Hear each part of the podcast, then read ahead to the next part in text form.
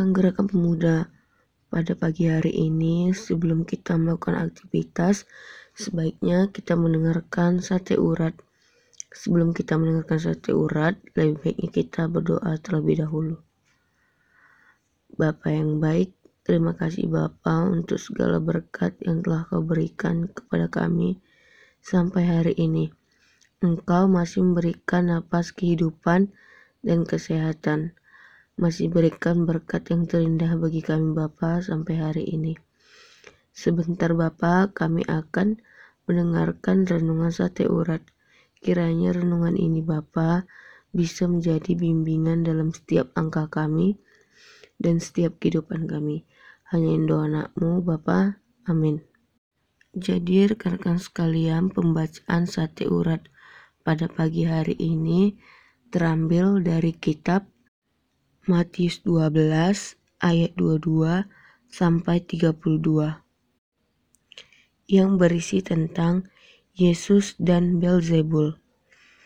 Kemudian dibawalah kepada Yesus seorang yang kerasukan setan. Orang itu buta dan bisu.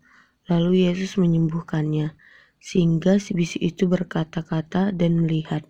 Maka takjublah sekalian orang banyak itu, katanya. Ia ini anaknya Daud. Tetapi ketika orang Farisi mendengarnya, mereka berkata dengan Belzebul, penghulu setan, ia mengusir setan. Tetapi Yesus mengetahui pikiran mereka lalu berkata kepada mereka, setiap kerajaan yang terpecah-pecah pasti binasa, dan setiap kota atau rumah tangga yang terpecah-pecah tidak dapat bertahan. Demikian jugalah iblis mengusir iblis ia pun terbagi-bagi dan melawan dirinya sendiri. Bagaimanakah kerajaan dapat bertahan? Jadi jika aku mengusir setan dengan kuasa Belzebul, dengan kuasa siapakah pengikut-pengikutmu mengusirnya? Sebab itu mereka yang akan menjadi hakimmu. Tetapi jika aku mengusir setan dengan kuasa roh Allah, maka sesungguhnya kerajaan Allah sudah datang kepadamu. Atau bagaimanakah seorang dapat memasuki rumah seorang yang kuat dan merampas harta bendanya apabila diikatnya dahulu orang kuat itu. Sesudah diikatnya, barulah dapat ia merampok rumah itu. Siapa tidak bersamaku, ia melawan aku, dan siapa tidak mengumpulkan bersama aku, ia mencerai beraikan. Sebab itu aku berkata kepadamu, segala dosa dan hujat manusia akan diampuni, tetapi hujat terhadap Roh Kudus tidak akan diampuni. Apabila seorang mengucapkan sesuatu menentukan anak manusia, ia diampuni, tetapi jika ia menentang Roh Kudus, ia tidak akan diampuni. Di dunia ini tidak, dan di dunia akan datang pun tidak.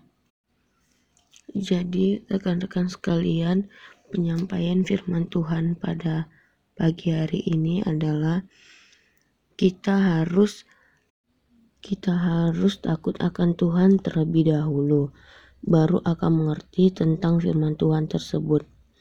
Dahulukan pengetahuan tentang Allah dan jangan dan jangan melanggar ajarannya. Jadi rekan-rekan sekalian, demikianlah satu urat kita pada pagi hari ini. Sebelum kita melanjutkan aktivitas, lebih baiklah kita berdoa terlebih dahulu. Terima kasih Bapa, kami telah mendengarkan sebagian firman-Mu pagi hari ini Bapa. Bapa, kiranya Engkau menyertai kami terus Bapa di sepanjang hari ini Bapa.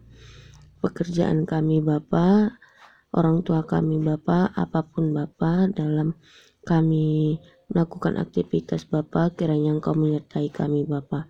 Hanya in doa anakmu Bapa dalam Tuhan Yesus, aku mengucap syukur. Amin.